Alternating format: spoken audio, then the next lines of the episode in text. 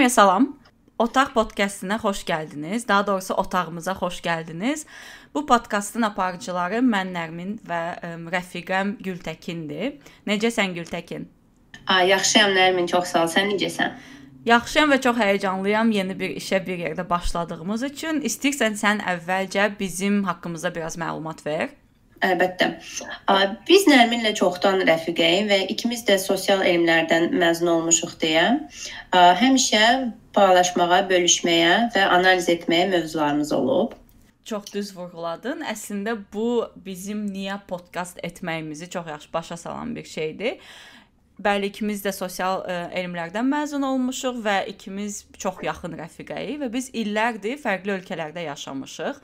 Ə, Gültəkin uzun illər İngiltərədə yaşayıb və mən Amerikada yaşayıram.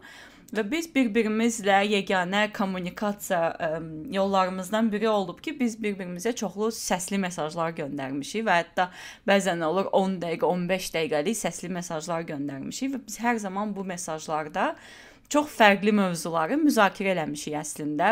Çox qlobal mövzular ola bilər, hansısa sosial problemlər, hansısa siyasi problemlər və yaxud hansısa bir şəxsi məsələmizin ətrafında çox fəlsəfi müzakirələr apara bilirik.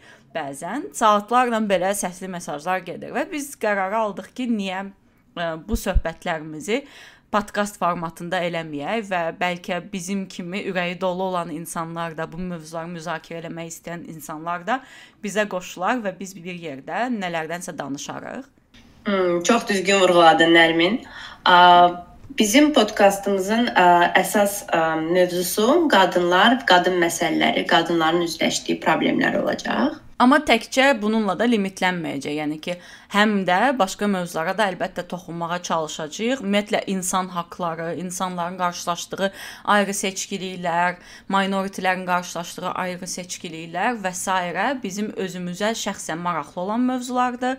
Yəni daha əvvəldə qeyd etdiyimiz kimi biz bunların üzərinə çox oxumuşuq, çox araşdırmışıq və həm də ə, oxumaqla bitmir, yəni belə şeylər. Belə şeylər xarici ədəbiyyat oxumaqla heç bitmir. Çünki bu mövzular, xüsusilə məsələn qadın məsələləri, feminizm kimi mövzular sənin gedib hansısa Avropa yazıçısının ya da Amerikalı bir sosial elmlər doktorunun məqaləsi ilə həll olunan məsələlər deyil, çünki bu məsələlər çox lokal məsələlərdir və ona görə də sən lokal prizmadan yanaşmalısan bu məsələlərə və biz çalışacağıq ki, bu podkastda həm öz biliklərimizi hardasa paylaşaq, həm bir yerdə nələrsə öyrənək, nələrsə araşdıraq və həm də ki, ə, Azərbaycandakı konkret məsələləri ə, ələ alaq, müzakirə eləyək və üstündə düşünək və bir nəticəyə gələk çataq belə deyim.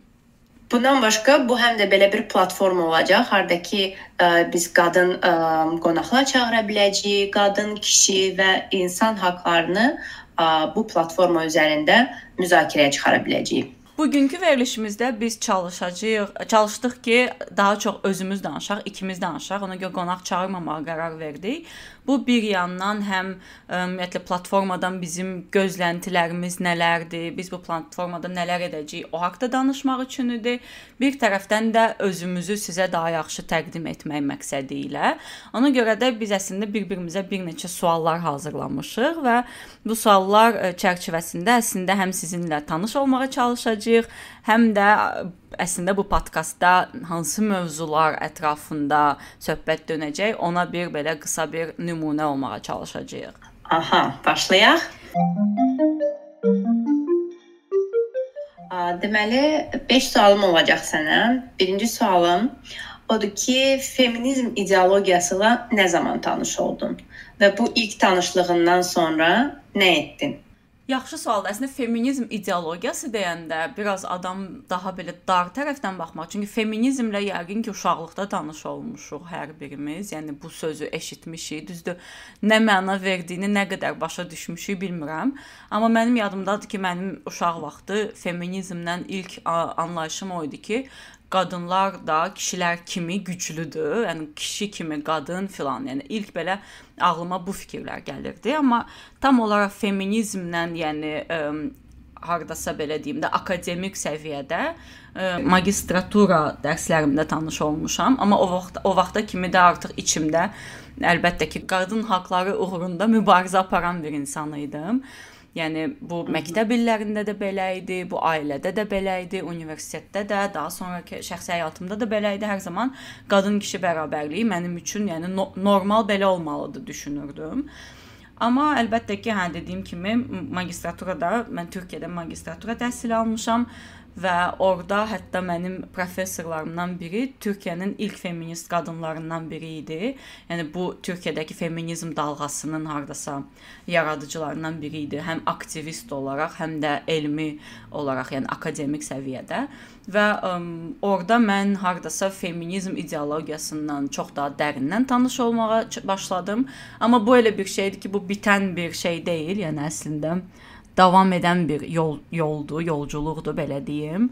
Çünki ə, e, feminizm ideologiya olaraq özü də hər an dəyişir, təkmilləşir, mükəmməlləşir və bu bitmiş bir, yəni nöqtəsi qoyulan bir ideologiya deyil belə deyim. Ə, e, ümid edirəm sualımı cavablamış oldum. Okay, mənim sənə Əminəm ki, feminizm ə, e, ilə bir çox insan tanış olsa da bəzilərini bəziləri bu haqqda xəbərsizdilər. Ona görə sən belə qısa bir ya da iki cümlə ilə feminizmi necə açıqlayardın? Qadınların kişilərlə ə, e, eyni haqq, imkan və hüquq bərabərliyini ə, e, dəstəkləyən bir dalğadır və ə, e, feministlər, yəni ki, kişilərə nifrət etmir, kişilərdən üstün olmağa çalışmır və yaxud dünyanı idarə etməyə çalışan bir qrup deyil. Feministlər lezbiyanka deyil. Bizdə belə bir ə, e, gülməli bir assosiasiya yaranır. Yəni feministlər sadəcə öz haqqlarını ə, e, bir han, sadəcə qadın və yaxud kişi olduğuna görə limitlənməsi və yaxud da nə bilim daha sərbəst olunmasına qarşı olan bir ə, e, insanlar toplumudur və feminizm başlanıb, yəni Avropada ə, və ilk vaxtlar ə, başlanma səbəbi də qadınların o dövrdə səs haqqının olmaması idi, ə, nə bilim ə, mülk mülk sahibi olma haqqının olmaması idi. Bir çox belə səbəblər var idi. Və bu səbəblərdən yola çıxaraq qadınlar ə, feminist feminizm dalğasını yaratdılar ki, biz niyə qadın olduğumuz üçün ikinci cins münasibəti göstərilsin bizə? Və belə aksiyalar oldu, nümayişlər keçirildi, etirazlar oldu və bunun nəticəsində əslində biz bu gün, yəni o Azərbaycanda və ümumiyyətlə də feminizmə qarşı olan insanlarda belə bir düşüncə var ki, feministlər başqa insanlardır. Amma məsələn bu gün əslində Azərbaycanda işə gedən, çalışan, maaş alan, uğur qazanan, nə bilim, ə, universitetdə yaxşı yerlərə gəlib çatan filan da bütün bu insanlar əslində vaxtı ikən o feministlər ayağa qalxıb etiraz edib deyə bütün bu imkan və haqqlara sahibdir. Yəni feministlər olmasaydı bizim indi nə səs vermə haqqımız olacaqdı, nə biz işdə də gedib yaxşı yerlərə çatacaqdıq, nə də karyera qura, qura biləcəkdik. Biz hələ də davam eləyəcəkdik ailədəki o belə e, ikinci cins olmağa. Yəni bu tərəfdən feminizmi məncə anlamaq çox əhəmilidir. Amma əlbəttə ki, bununla da bitmir. Yəni e, işləmə haqqımız var, mülk sahibi olma haqqımız varla, təəssüf ki, feminizmin problemləri həll olunmur, çünki çox daha ə, e, dərin və böyük problemlər var. Mən çox danışdım, gəl mən də sənə sual verim. Sən niyə feministsən? Sən də özün də qeyd elədiyin kimi feminizmin terminin özü çox problemlidir və çox şaxəlidir və cəmiyyətdə, xüsusilə bizim cəmiyyətdə bu çox yanlış anlaşılan bir termindir. Hətta mən özümü götürəndə bu yaxınlarda hansısa bir fikir bildirdim məsələyə və anam mənə dedi ki, necə yəni sən belə feministsən ki? Və mən anama baxdım və ondan feminizmin nə olduğunu soruşdum. Anam biraz düşünəndən sonra dedi ki, bəli, düzdür də. Yəqin ki, feministsən, çünki feminizm qadın və kişi, kişi olmasından asılı olmayaraq hər kəsə eyni imkanların və hüquqların, haqqların tanınmasıdır. Anam bunun düşün bir qədər düşünəndən sonra dedi. Çünki hardasa feminizm termini belə bir necə deyim, stiker kimi ə, insanları fərqliləşdirir deyən bir belə bir düşüncə var da bizim cəmiyyətdə. 100%. Mən niyə feministəm? Feministlər 3 cürdür. Əsas 3 və ya 4 növləri var da. Yəni liberal feministlər var, radikal feministlər var və sosial feministlər var. Əsas bu 3 növü mən götürürəm həmişə. Mən özümü liberal sosial feminist deyə qələmə verirəm.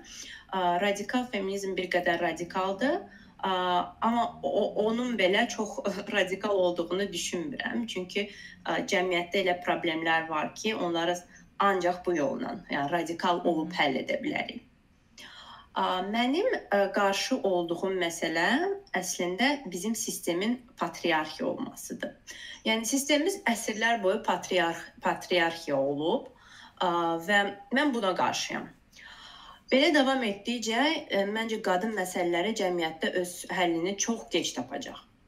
Və qadın problemləri nədir? Bunu bir çox adam soruşur, hələ də sorğuluyurlar.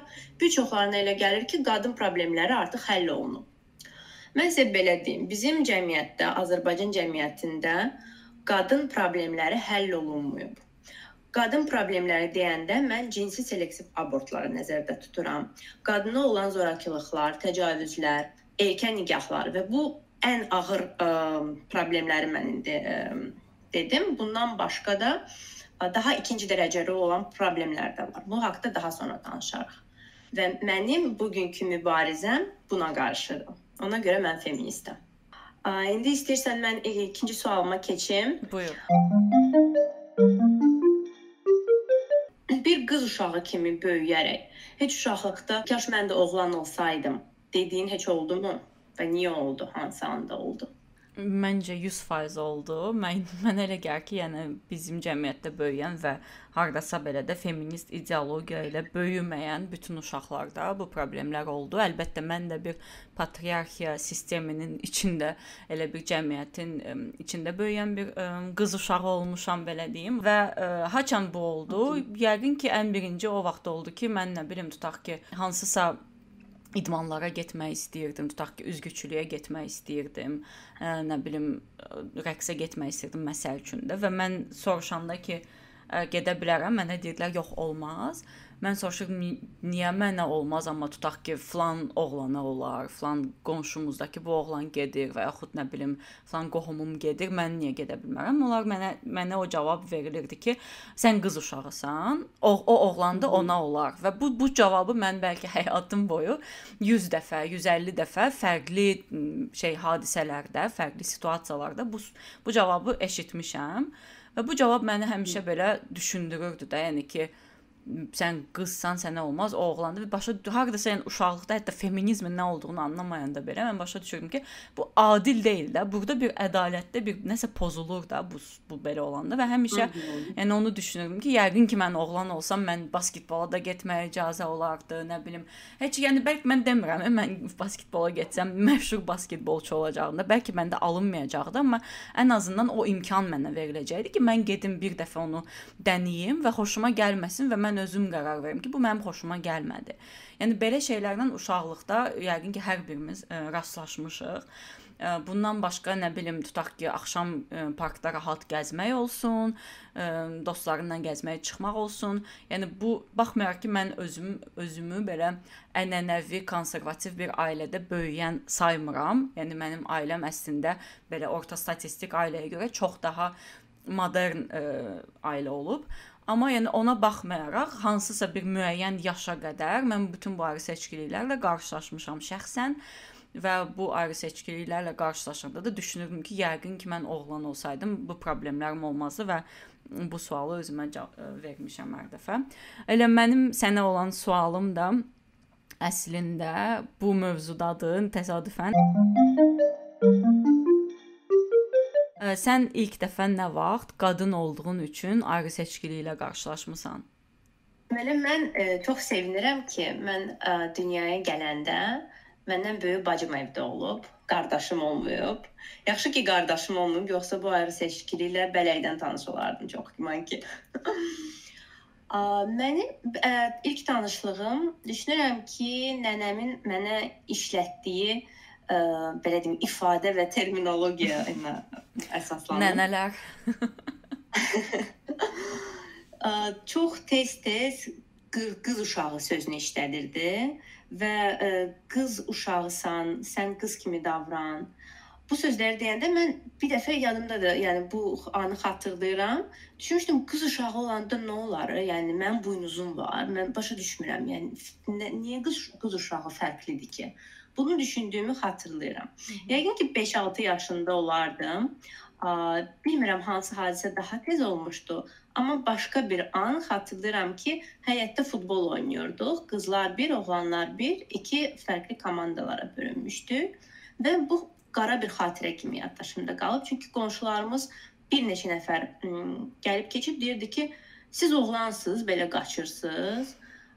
Siz oğlan deyilsiniz, axı niyə futbol oynayırsınız? Heyf ki o 5, 6, 7, 8 bilmirəm neçə yaşım olardı onda. Heyf ki onda indiki qədər e, bilmirdim. Yəni indiki qədər biliyə sahib deyil idim. İndi o qadınları, o o qonşuları tapıb onlar onlara bu cavabı vermək istəyərdim. Niyə qaçıram? Ondan başqa başqa bir misal ə, ailəmizdə tost deyilən zaman ə, çox vaxt kişilər tost deyirdi və mən o anda da düşünürdüm ki, niyə görəsən qadınlar, niyə anam tost demədi, niyə bibim tost demədi? Niyə nənəm tost demədi? Çünki bizim ailədə nənəm çox necə deyim, kişi kimi bir qadın kimi idi. Ondan baxmayaraq ona söz verilmirdi tost. tost zamanı. Və hətta bir, bir dəfə xatırlayıram belə bir söz işlətmişlər ki, qadınlara da söz verək. Sonra belə bir pauza yaranmışdı. Və hansısa kişi bu sükutu pozub öz tostunu demişdi və o anı da xatırlayıram.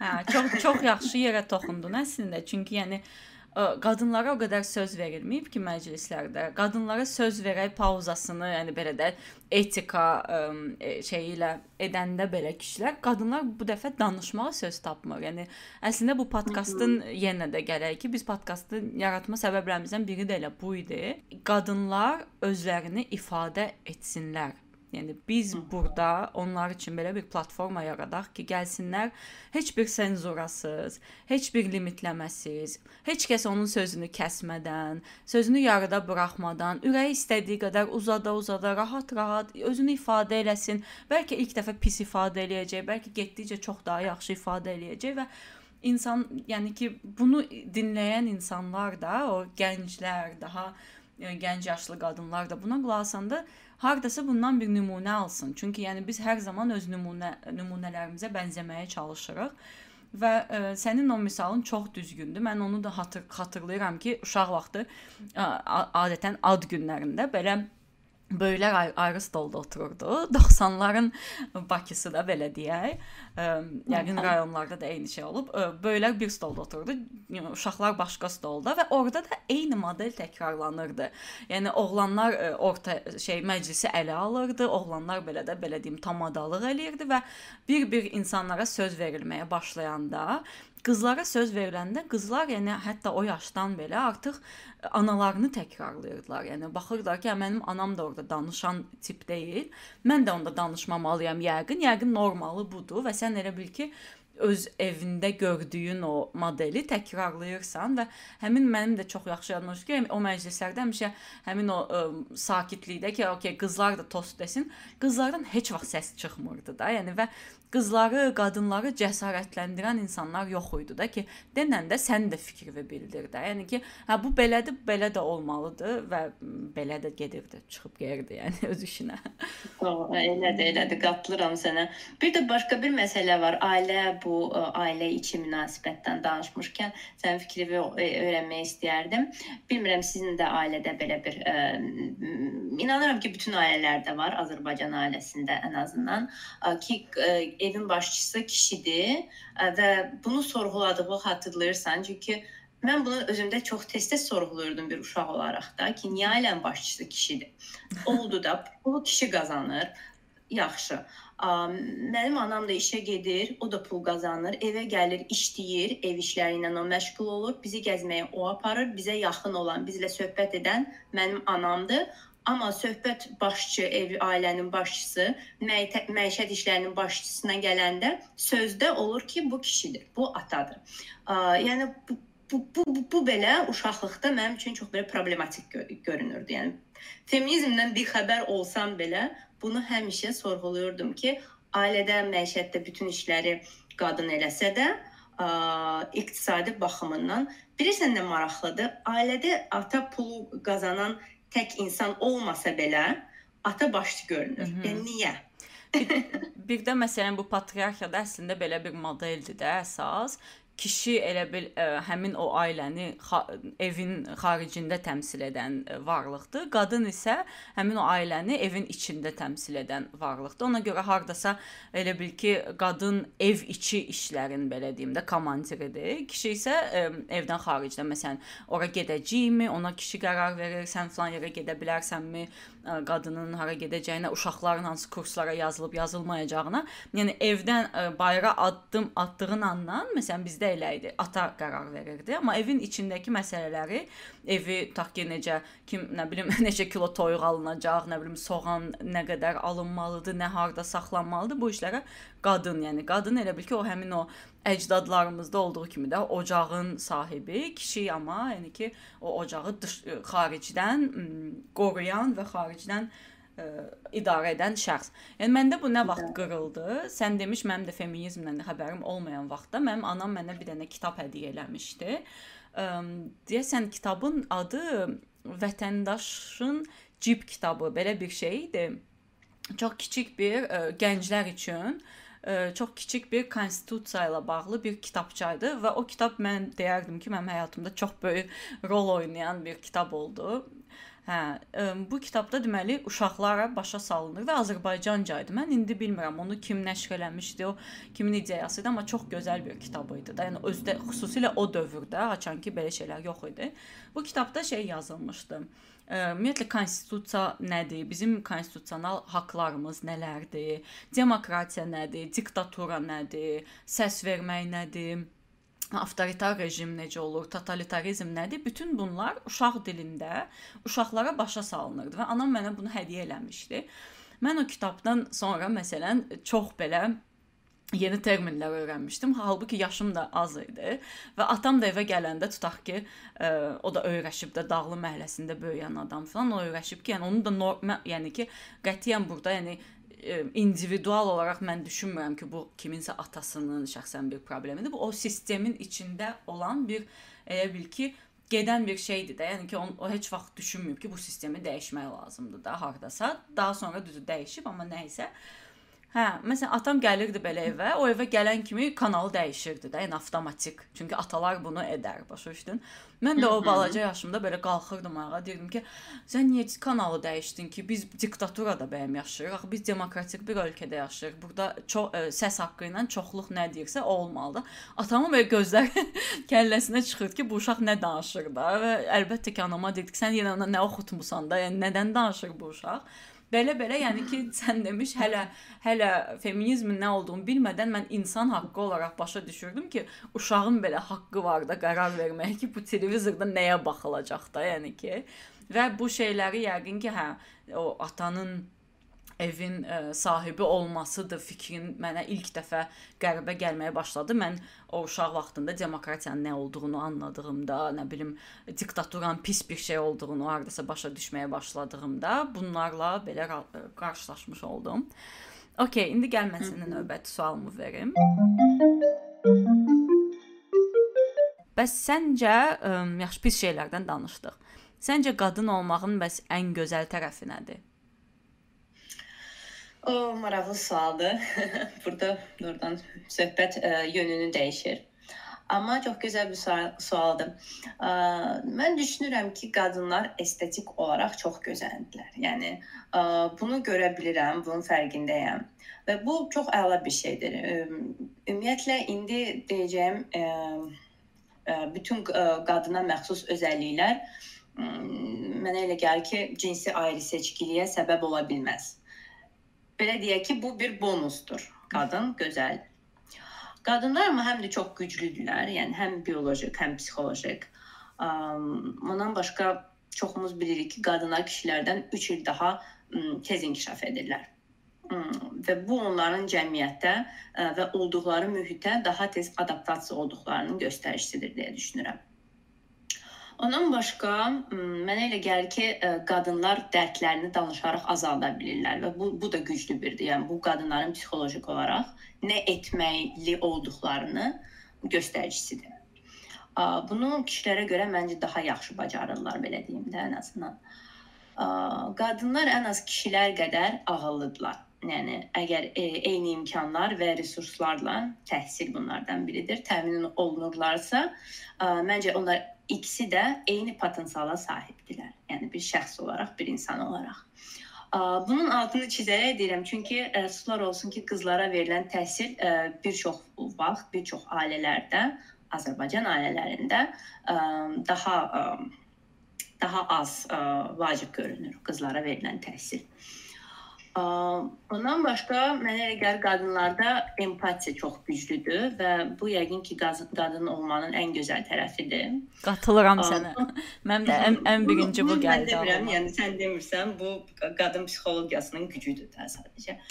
Bu qadınları məncə daha humanist eləyir, daha anlayışlı və daha dərin şeyləri analiz etmə qabiliyyətini onlara imkanını verir. Məsələ məncə buna görə də cəmiyyətin ən dərin problemlərini məhz qadınlar çözə bilər. Qadınlara bu imkan evdə, ailədə və məktəbdə etibarən yaradılırsa, qadınlar cəmiyyətə, yəni qız uşağı olaraq bu imkanlar onlara verilirsə, gələcəkdə qadın olaraq bütün o sən ağıllısan, sən gözəlsən yox, məhz sən ağıllısan, sən bunu bacaracaqsan, nə maraqlı bir fikir dedin deyə münasibət bəslədikcə qadınlar cəmiyyətə daha töhfə verəcək, empatiya qurub, anlayış göstərib daha çox şeyin üstündən rahatlıq rahatlıqla gələ biləcəyinə inandığım üçün düşünürəm ki, qadınlar çox güclüdür və bu onların ən güclü tərəfidir. Uzun oldu. Çox gözəl şeylər vurğuladın əslində. Bəs şəxsən sənin üçün məsələn qadın, sən özünü niyə qadın olduğun, qadın olmağınla belə deyim qürur duyursan? Hmm, qadın olduğumla niyə qürur duyuram? Um, mən belə deyim də, daha çox özümdən çox həmişə düşünürdüm ki, dünyaya ə, övlad gətirsəm, bunun qız olmağını istəyərdim. Ə, çünki qızları ə, dediyim səbəblərdən, yəni daha güclü və ə, dünya, cəmiyyətə daha uyğun görürəm. Bilmirəm. bilmirəm bu psixoloji bir şeydir, bilmirəm bioloji bir şeydir. Mənə elə gəlir ki, qız uşağını hansı mühitə atsan, o mühitdə çox güclü olacaq və çox gözəl işlər yaradacaq. Mənə belə gəlir. mən də məsələn burada öz şəxsi fikrimi də deyim ki, məsələn mən niyə şəxsən qadın olmağı xoşlayıram? Hardasa bu tamamilə xarakterimlə bağlı bir şeydir ki, mən məsələn hər zaman bəlkə bu da hansısa uşaqlıq travmasından gələn bir şeydir, bilmirəm, amma challenge sözü var da ingilis dilində. Çox sevirəm o sözü. Yəni o sözü Azərbaycan dilində heç ə, qarşılığı da məncə çox yaxşı, düzgün bir qarşılığı. Çətinlik yəqin ki, yox. Çətinlik yox, yəqin ki. Elə bir nəyi sözə challenge etməkdə, yəni çətinlik etmək bir şey deyə bir şey yoxdur. Amma nə isə də, yəni ki, yəni hə, öz, özüvə belə bir ki, hə, bir bir ə, ay sağ ol, hə, düzdür. Baş sındıran da belə deyək Azərbaycan dilində kalavalonka. Hə, belə bir ə, çətin bir tutaq ki, bilməcə, tapmaca kimi bir şeyin içindən çıxa bilmək prosesi, challenge belə deyək. Və mən özümü şəxsən challenge etməyi çox xoşlayıram. Ümumiyyətlə hər şeydə. Yəni bir şey daha çətindirsə, o mənə daha cəzb cə, cazibədar gəlir ki, ha, burada bir çətinlik var. Mən bunu necə çözə bilərəm və o hər dəfə elə bil ki, çətinliklə özümü daha güclənmiş hiss, hiss eləyirəm. Məsələn, buna misal verim, tutaq ki, New Yorkda yaşamaq da, yəni New Yorkda yaşamaq yəqin ki, həyatımın ən böyük challenge-larından, ən böyük çətinliklərindən və əzablarından biri olub. Amma Hı -hı. amma o yolda məsələn, əgər mən New Yorkda yaşayıb tutaq ki, yox, mən bunu edəmədim deyib tutaq köçsəydim və heç bir nə bilim uğur qazanmasaydım, o zaman mən elə bil ki, o tapmacadan e, uğurlu çıxmış hiss etməyəcəydim də onu, yəni onu ə, sonlandırmış hiss eləməyəcəydim, amma New York kimi şəhərdə bütün o çətinliklərə baxmayaraq hansısa bir nöqtəyə gətirib özünü çatdırmaq və nə bilim yaxşı bir həyat özünə yarada bilmək, heç kəsin köməyi olmadan, heç bir maddi köməyin olmadan filan fəsməkan mənə məsələn özümü çox güclü hiss etdirən bir şeydir və mənim ə, özümə olan inamımı, güvənimi, self confidence da öz güvənimi çox yüksəldən bir şey olub. Və mən belə şeyləri həmişə ə, dediyim kimi də xoşuma gəlir. Yəni ki, bir çətin ə, situasiyadan çıxmaq mənə daha çox maraqlıdır, nəinki rahat və komfortlu bir situasiyadan belə rahat çıxmaq. Və bu qadın qadın olaraq dünyaya gəlməkdə başlı başlına, yəni challenge-dır da. Yəni sən uşaqlıqdan, "Okay, mənim qarşımda belə çətinliklər var. Mən yəni nə etməliyəm də? Bütün bu çətinliklərə göz yumub, başımı aşağı salıb, ə, e, palaza bürünüb ellə sürünməliyəm, yoxsa mən bu challenge-ləri bir-bir çözə-çözə, çözə-çözə burdan hardasa bu oyun kimi, PlayStation oyunu kimi burdan çıxmalıyam da. Və mən elə bil ki, ona görə də qadın olmaq mənə belə daha çətin bir yol kimi gəlir və qadın olaraq bir şeylərə nə bilim şey olanda, tutaq ki, hansısa bir uğurlar qazananda, hansısa ə, nailiyyətlər ə, qazananda mən özümü çox daha belə xoşbəxt hiss edirəm ki, hə də, yəni ki, sən bu challenge-dan da tutaq ki, uğurlu çıxa bilirsən də hardasa. Çox uzatdım, bilirəm. Sənin su sualındaydıq deyəsən, hə?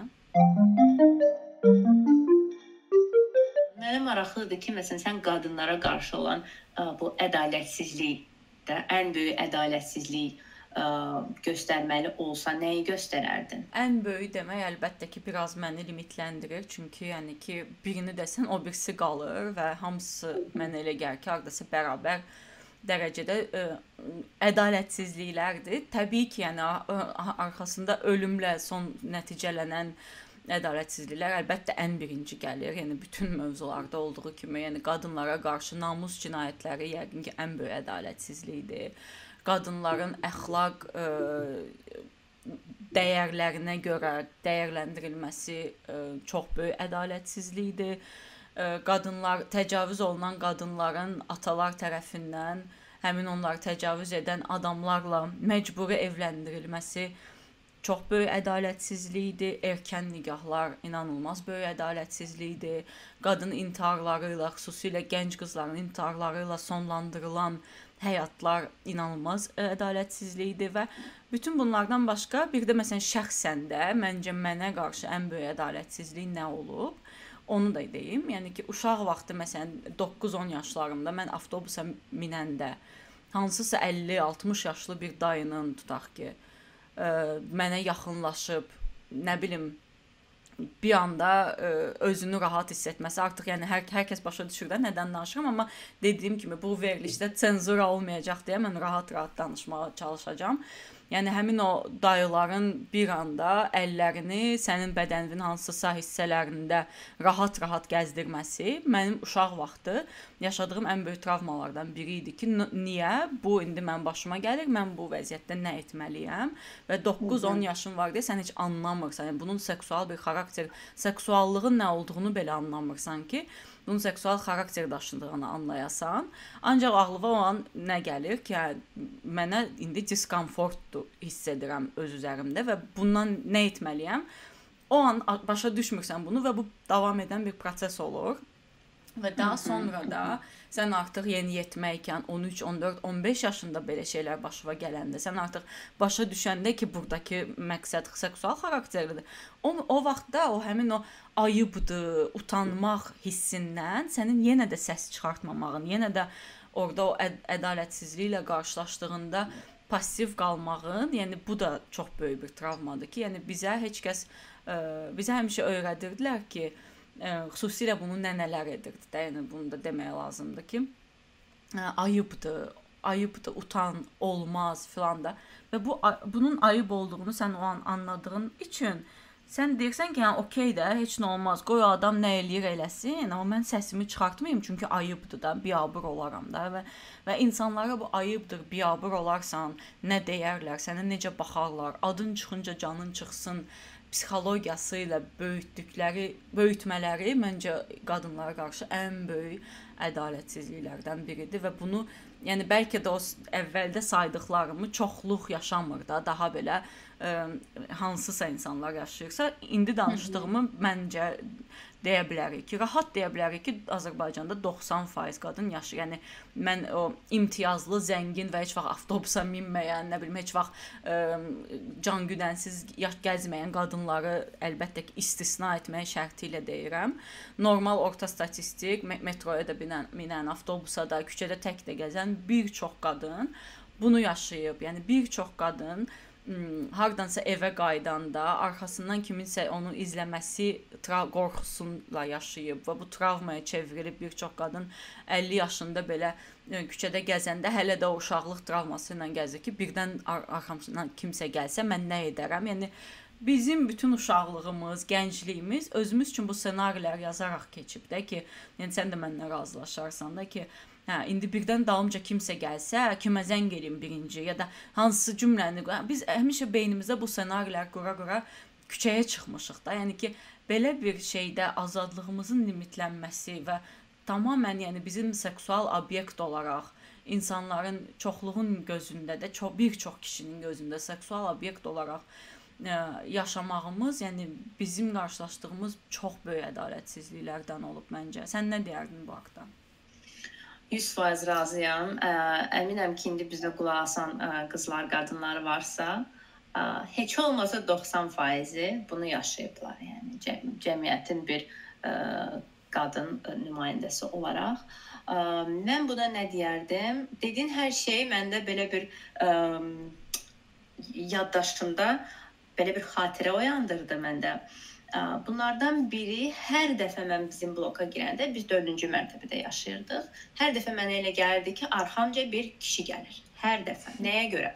Çünki mən 8 yaşımda olanda biz 4-cü mərtəbədə yaşırdıq. Bizim bir altımızda 17 yaşında qız var idi və ona orada təcavüz olunmuşdu. O bloka girəndə onun arxasınca biri gəlmişdi və onun ağzını tutub aparmışdı onu. Yəni. Mən bildiyim informasiya bu idi. Qalanı nə etmişdi, nə olmuşdu, ancaq düşünə bilirdim, amma bilmirdim tam olaraq. Yəni informasiyam yox idi bununla əlaqəli. Və bunu bildiyimə görə mən hardasa yəqin 20 yaşına kimi hər bloka girəndə mənə elə gəlirdi ki, arxamda bir e, kişi var və sən dediyin bu travma məndə hələ də qalıb və anam anam yaşadığı evə girəndə, evin blokuna girəndə mənə elə gəlir ki, mənim arxamca kimsə gəlir. Və bu ən böyük ədalətsizlikdir. Yəni özümə qarşı, bizim cəmiyyətdəki qadınlara qarşı, yəni orta statistik sən dediyin kimi, orta statistik qadınlara qarşı ə, bayırda, evdən kənarda özlərini ə, təhlükədə hiss etmələri ə, ən böyük ədalətsizlikdir.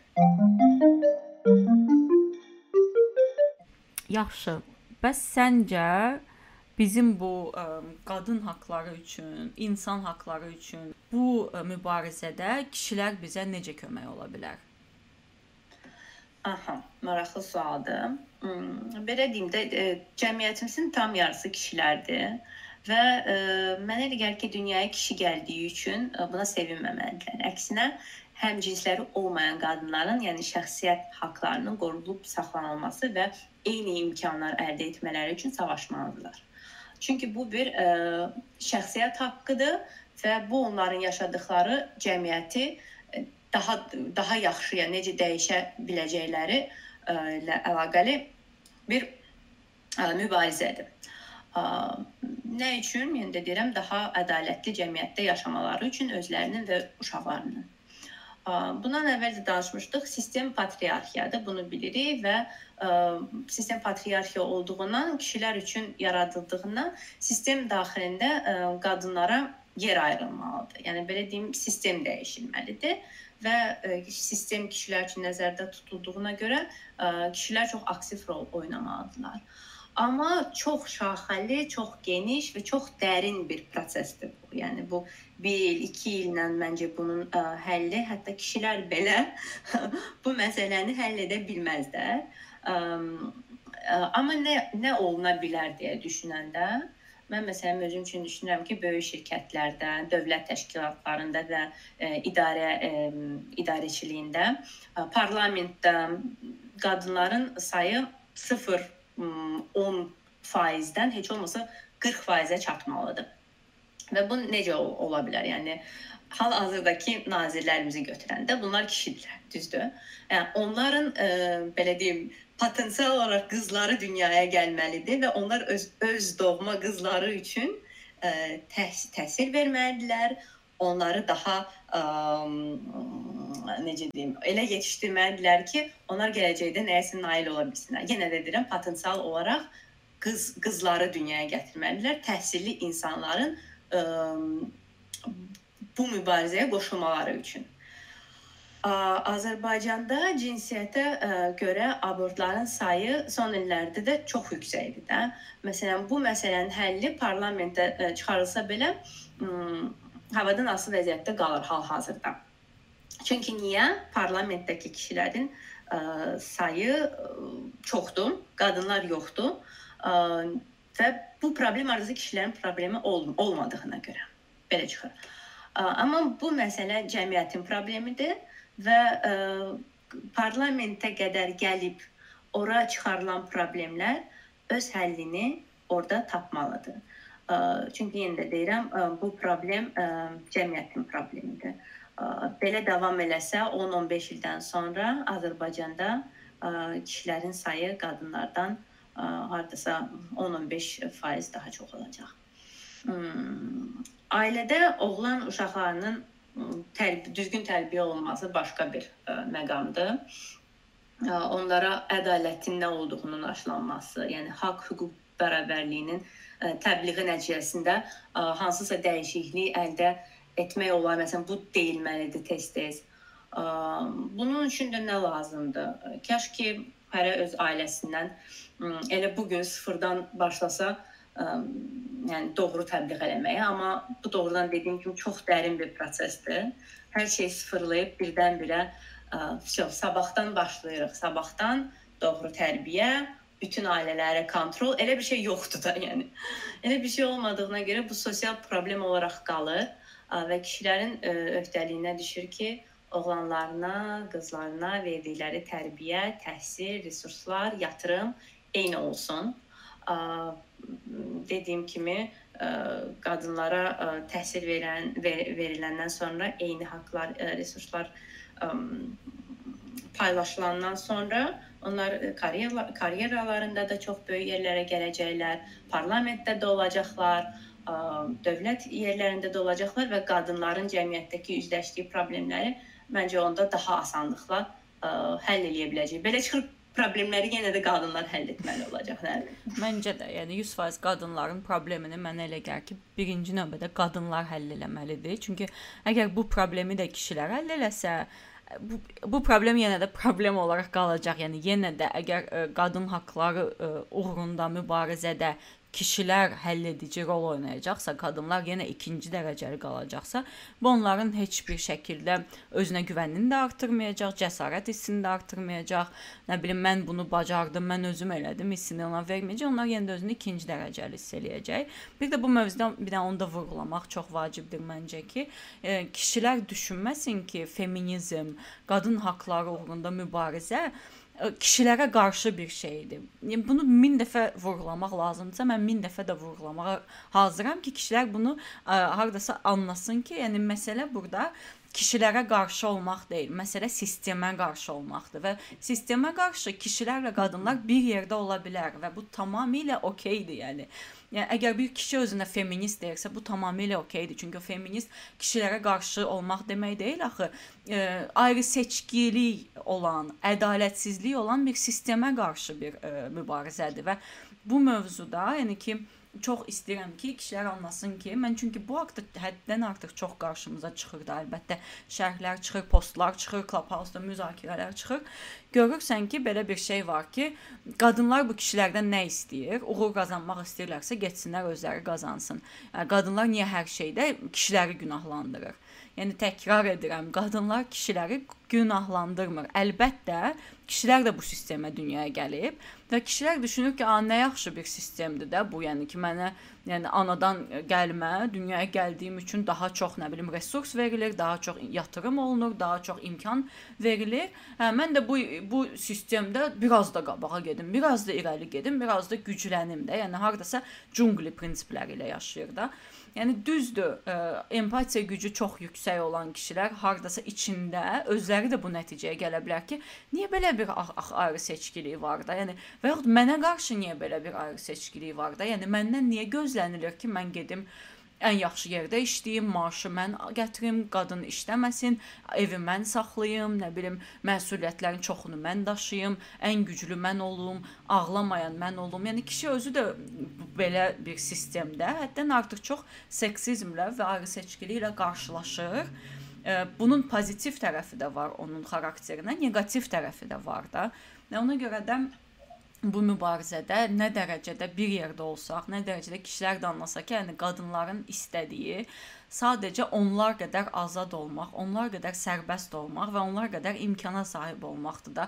Bəlkə də onlar o imkanları heç istifadə eləməyəcək. Yəni, qoyun seçimi özləri eləsin də. Yəni qoyun onlarda o seçim olsun, sonra onlar qərar versin ki, onlar bunu etmək istəyir yoxsa yox. Yəni, inanın mənə ki, ə, e, azadlıq veriləndə insanlar dəli kimi gedib, yəni şey eləmir də bu azadlığı, yəni ki, e, nə bilim necə başa salım da israf etmir də. Yəni ki, sadəcə azadlığın olması fikri belə gözəl bir şeydir də. Yəni azadlıq anarxiya demək deyil. Ona görə seksual azadlıq da kişilərin ən qorxduğu şey qadınların seksual azadlığıdır. Seksual azadlıq da o demək deyil ki, yəni bu qadınlar gedəcək avtomatik fahişə olacaq da. Çünki yəni dünyanın hər yerində seksu hər yerində yox, sorry, səhv dedim.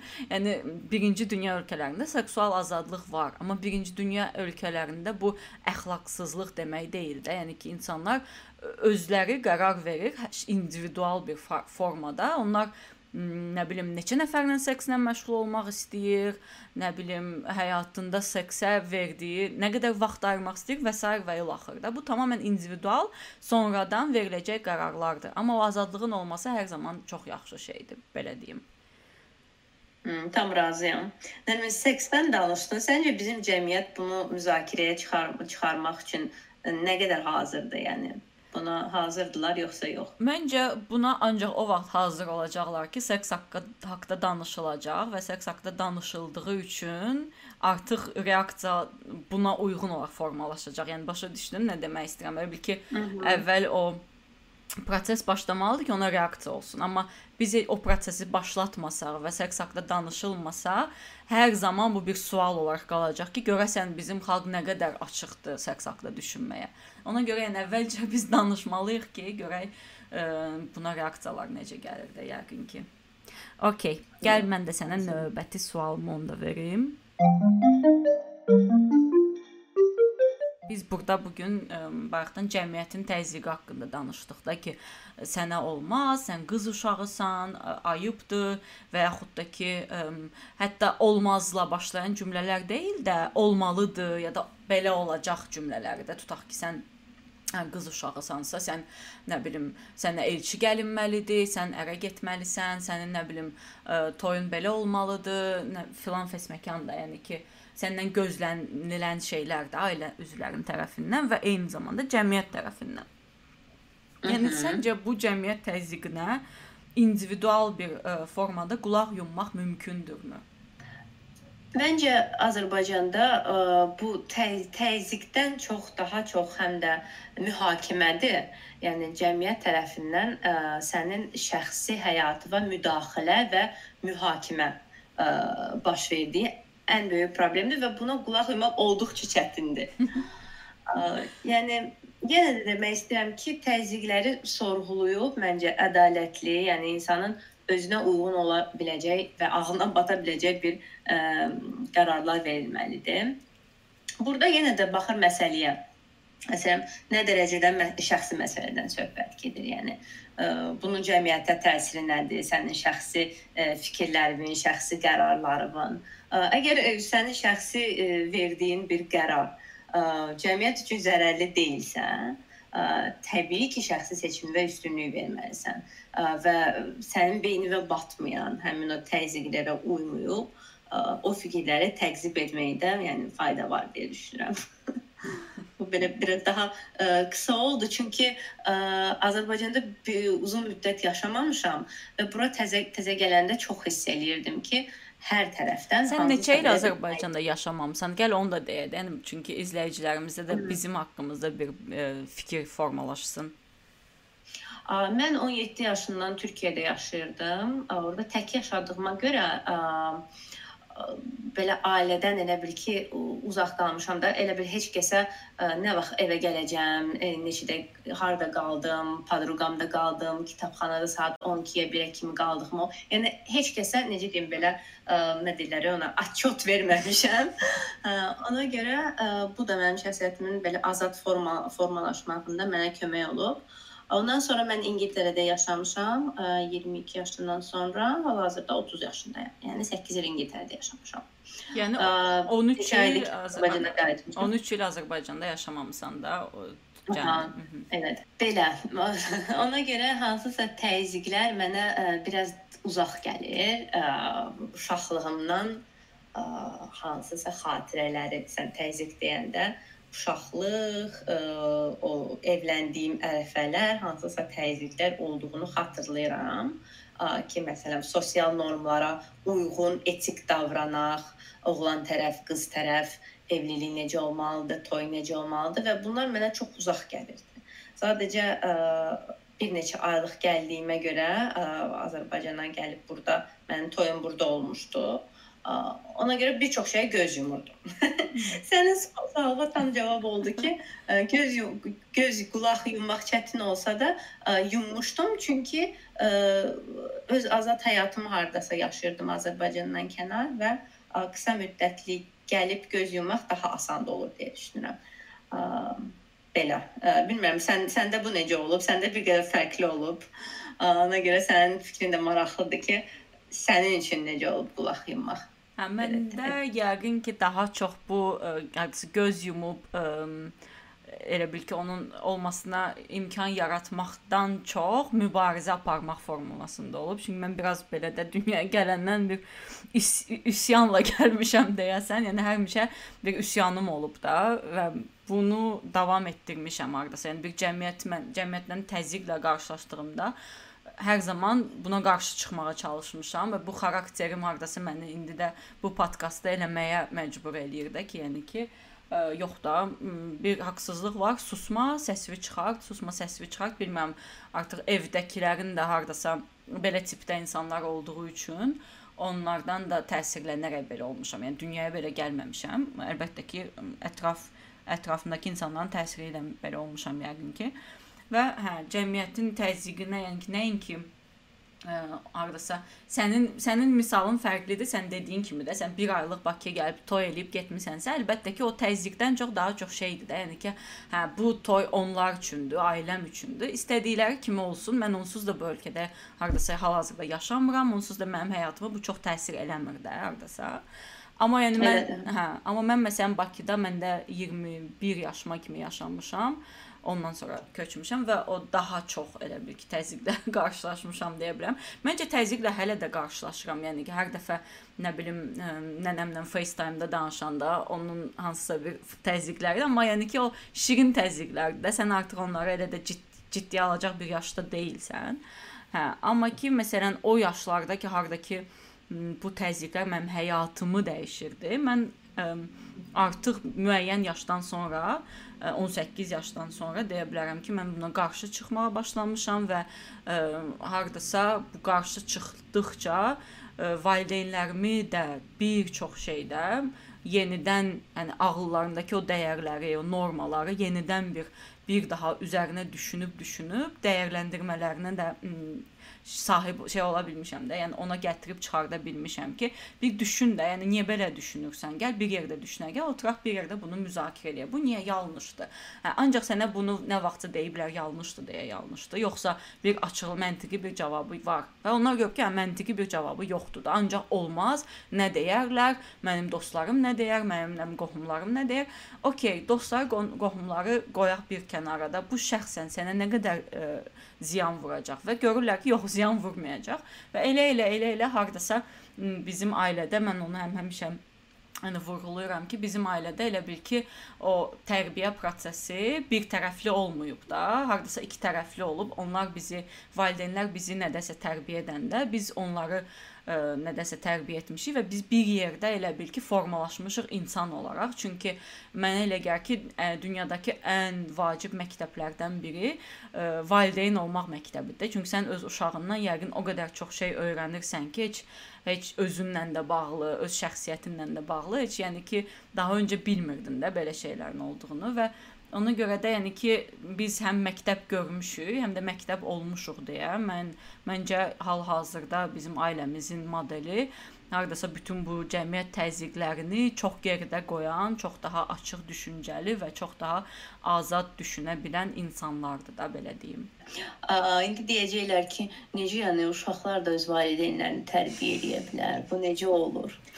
Bunu hə bir dəfə mən Clubhouse-da demişdim bu cümləni ki, biz də onları tərbiyə eləməliyik. Mənə elə danışdılar ki, yəni ki, sən nə danışırsan da, sən müqəddəs bir varlığı necə tərbiyə eləyə bilərsən? Yəni ki, vallah da tərbiyə eləmək, ə, e, təhqir eləmək deyil, söymək deyil, yəni pis bir şey deyil.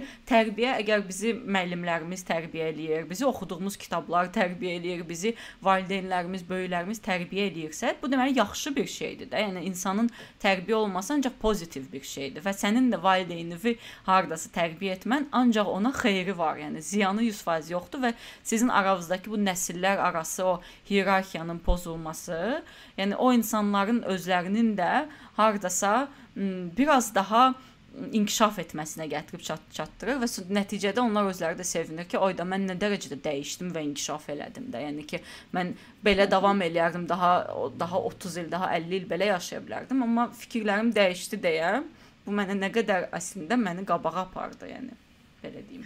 Əslində qınamaq da olmur. Çünki ə, e, bu belə bir ə, e, sözün deyilməsi belə bizim ə, e, xalq olaraq, düşüncə olaraq ə, necə qapalı olduğumuzu, yəni sözlərə belə açıq olmadığımızı, yəni valideynlərimizlə belə açıq olmadığımızı və hierarxiyanın nə dərəcədə ağır olduğunu bizim cəmiyyətdə, bizim ailələrimizin içində görə bilirik də. Bu hardasa belə əks olunur. Yəni bizim dediyimiz fikirlərdə və sözlərdə. Hə, növbəti sualım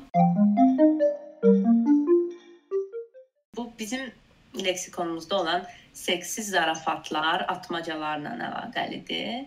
Belə deyimlərə münasibətin necə olur?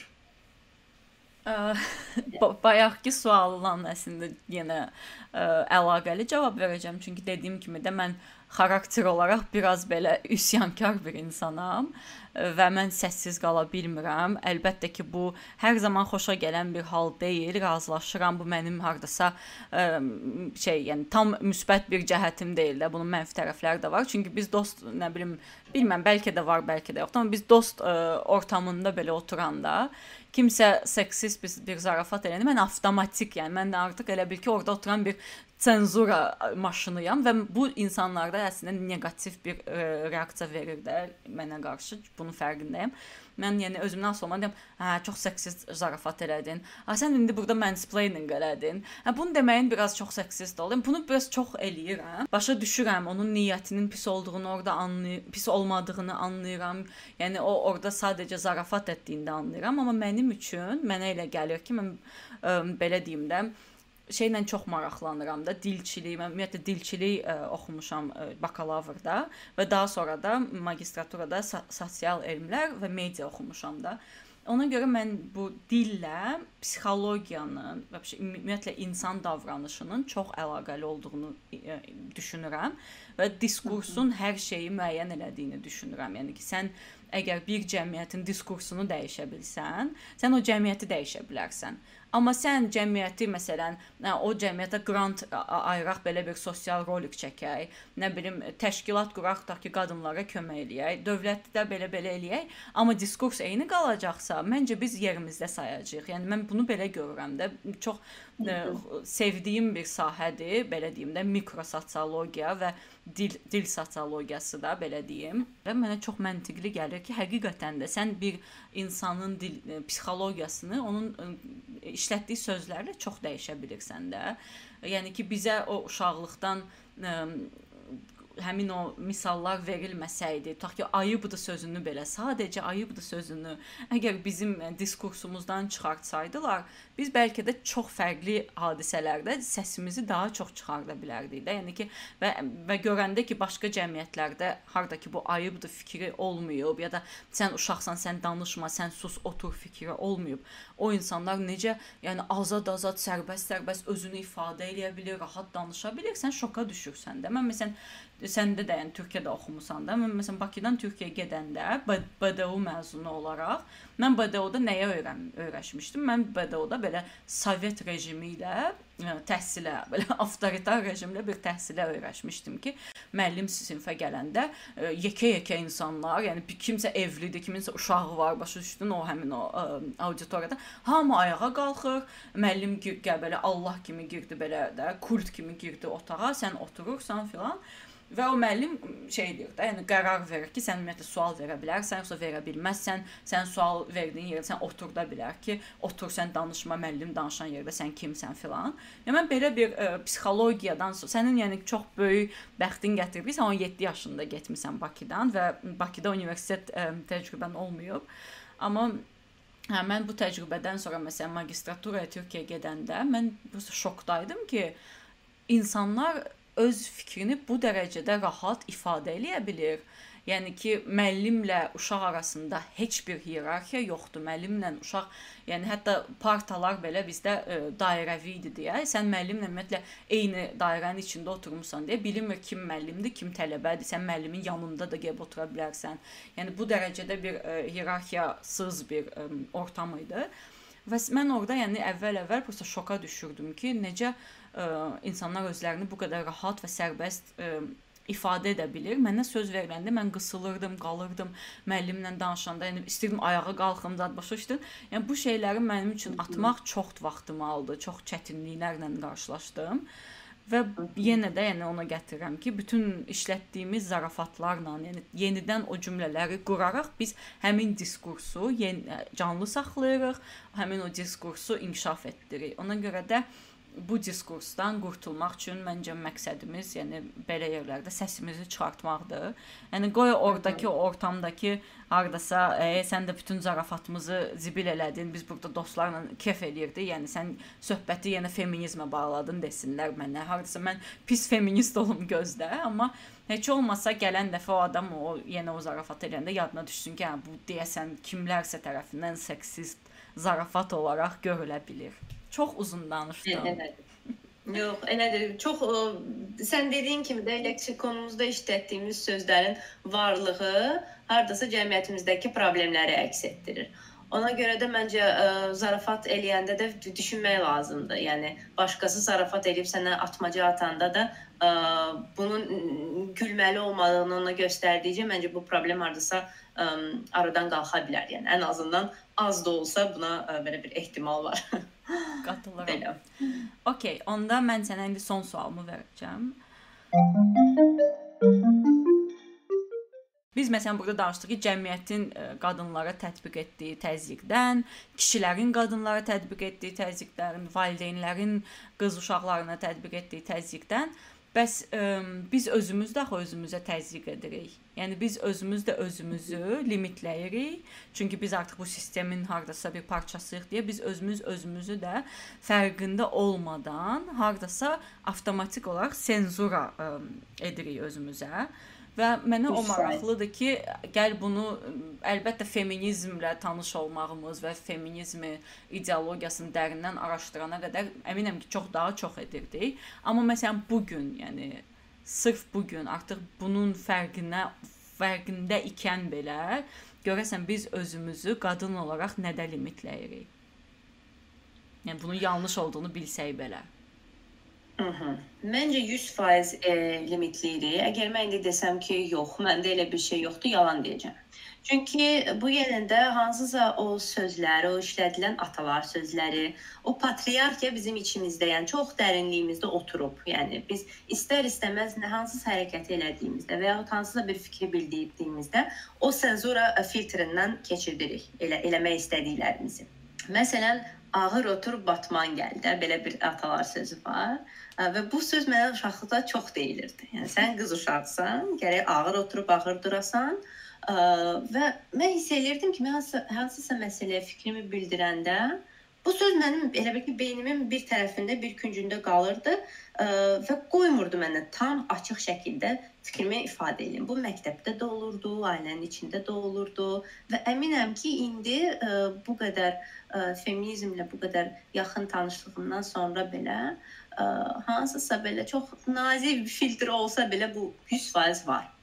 Amma yəni bundan yavaş-yavaş qurtulmaq lazımdır. Detoks kimi düşünün də, yəni zərərli alışqanlıqlarımızdan, yəni qidalardan qurtulmaq kimi, yəni bunun toksik olduğunu anlayıb bu haqda bu haqda biliklərimizi paylaşaraq, yəni cəm cəmiyyəti maarifləndirərək məsləhət verdiyimizdə hansısa məsləhətlər verdiyimizdə diqqətli olub, yəni atalar sözlərini işlədəndə belə onları sorğulamağı bacarmalıyıq. Qatılıram sənə. Əslində bəlkə də bu podkastla da biz özümüz də danışdıqca bu mövzularda çox açıq olmağa başladıqca bu mövzularda onun fərqinə varacağıq ki, biz özümüz özümüzün nədə ə, e, hardasa senzura ə, e, tətbiq edirik özümüzə, nədə özümüzü limitləyirik və hardasa bundan qurtulmağın da yolu bizim üçün burada açıq-açıq hər şey haqqında ə, e, maraqlı olan hər mövzuda fikir bildirə-bildirə hardasa bütün bu senzuraları öz üzərimizdən ata biləcəyik yəqin ki. İstəsən son sualıma keçim. Deməli, azad qadın obrazı var da, həmişə bu sözü işlədirik, eşidirik. Bu azad qadın kimdir və o qadın nə istəyir? Yəni azad qadın deyirik, bəs azad kişi ifadəsini heç eşitmisən? Gülməli səslənir yox. Çox gülməli səslənir. Bir düşün, yəni azad kişi eşitməmişəm.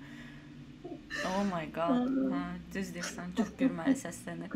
Yəni əslində azad qadın kimdir? Məncə ə, idealda qadın elə azad qadındır da. Yəni azad qadın deyə bir ekstra bir burada sifətə ehtiyac yoxdur. Qadın əslində məncə kimdir? Qadın kim olmaq istəyirsə odur.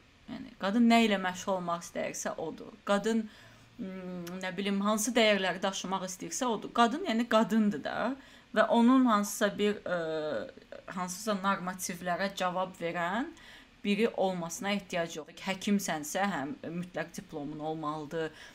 Bütün bu şeyləri bacarmalısan. Amma qadın bir peşə deyil, qadın var varlıqdır qadınlar o qədər fərqlidir ki öz arasında da və hər kim nə olmaq istəyirsə, kim necə həyat yaşamaq istəyirsə, o azadlığa sahib olmalıdır və ona görə də azad qadın dediyimiz elə qadının özü olmalıdır. Əslində məncə biz bir-birimizə çox yaxşı suallar verdik ə, və ə, bu suallar hardasa əslində hərəsi bir verilişin belə deyim mövzusu ola biləcək suallar idi və bu suallar hər zaman bizim əlimizin altında olacaq və gələn qonaqlarımızla da bu sualların ətrafında bir söhbətlər apara biləcəyik də.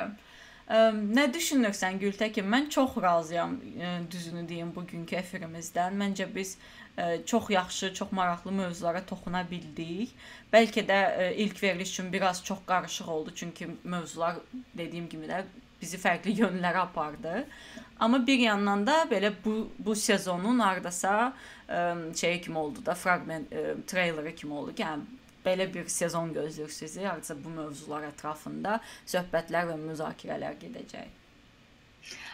Düzdür, elədir. İlk verilişdə deyə həm də çox şey danışmaq istəyirik. Yəni çox məqama toxunmaq istəyirik, amma bunu elə bir ki, ən əsas gördük də. Yəni məncə biz bu sualları ən əsas sual bilib bir-birimizə soruşduq bunun dərininə də gedəcəyik. Bundan uzağa da gedəcəyik və bunu hər qonağa uyğun sualları da dəyişdirəcəyik və qonaqlarımız o qədər maraqlı olacaq ki, məncə bu sualların qutunun kənarına çıxa biləcəyik və çox maraqlı olacaq.